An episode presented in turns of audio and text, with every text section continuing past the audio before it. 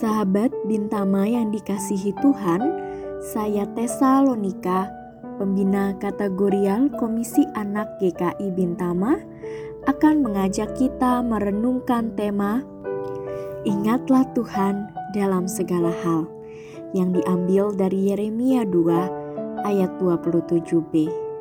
Sungguh mereka membelakangi aku dan tidak menghadapkan mukanya kepadaku.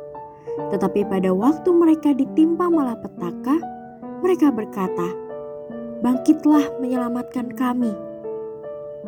Seperti kacang lupa kulitnya Mungkin istilah ini yang cocok diberikan untuk bangsa Israel.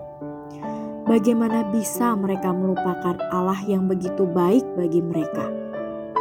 Allah yang telah menjalin hubungan kasih dalam berbagai peristiwa, seperti pembebasan dari perbudakan Mesir dan pemeliharaannya untuk bangsa Israel ketika melalui padang gurun yang tandus dan kering mereka seharusnya mengucap syukur dan membalas kebaikan Allah dengan hidup taat kepadanya. Namun, kenyataan yang terjadi, mereka justru mengkhianati Allah dengan menyembah dewa-dewa. Oleh karena itu, Tuhan mengutus hambanya, yaitu Nabi Yeremia, untuk mengungkapkan kekecewaan hatinya yang menduakan Allah. Bangsa Israel baru akan mengingat dan berseru kepada Allah jikalau mereka mengalami masa krisis dan kesukaran yang hebat. Mereka datang kepada Allah jika mereka merasa memerlukan Allah untuk membebaskan mereka.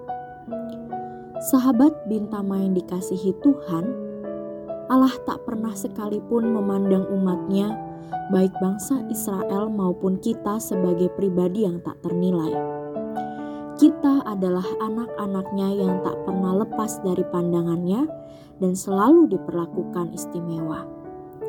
Namun, pertanyaan reflektif untuk kita adalah bagaimana kita memperlakukan Allah. Apakah kita memperlakukan Allah seperti bangsa Israel yang hanya datang dan berseru kepada Allah ketika kesulitan hidup melanda? Jika hidup kita sedang mengalami hal baik, maka kita lupa dan bahkan berpaling darinya. Kita seharusnya menjadikan Allah sebagai fokus utama kita dalam menjalani hidup, baik itu senang maupun sulit.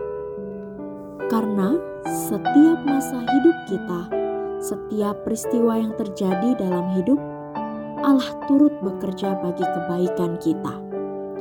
Maka dari itu, marilah bersama kita mengingat Allah dan memperlakukannya secara baik di dalam segala hal dan setiap musim hidup kita.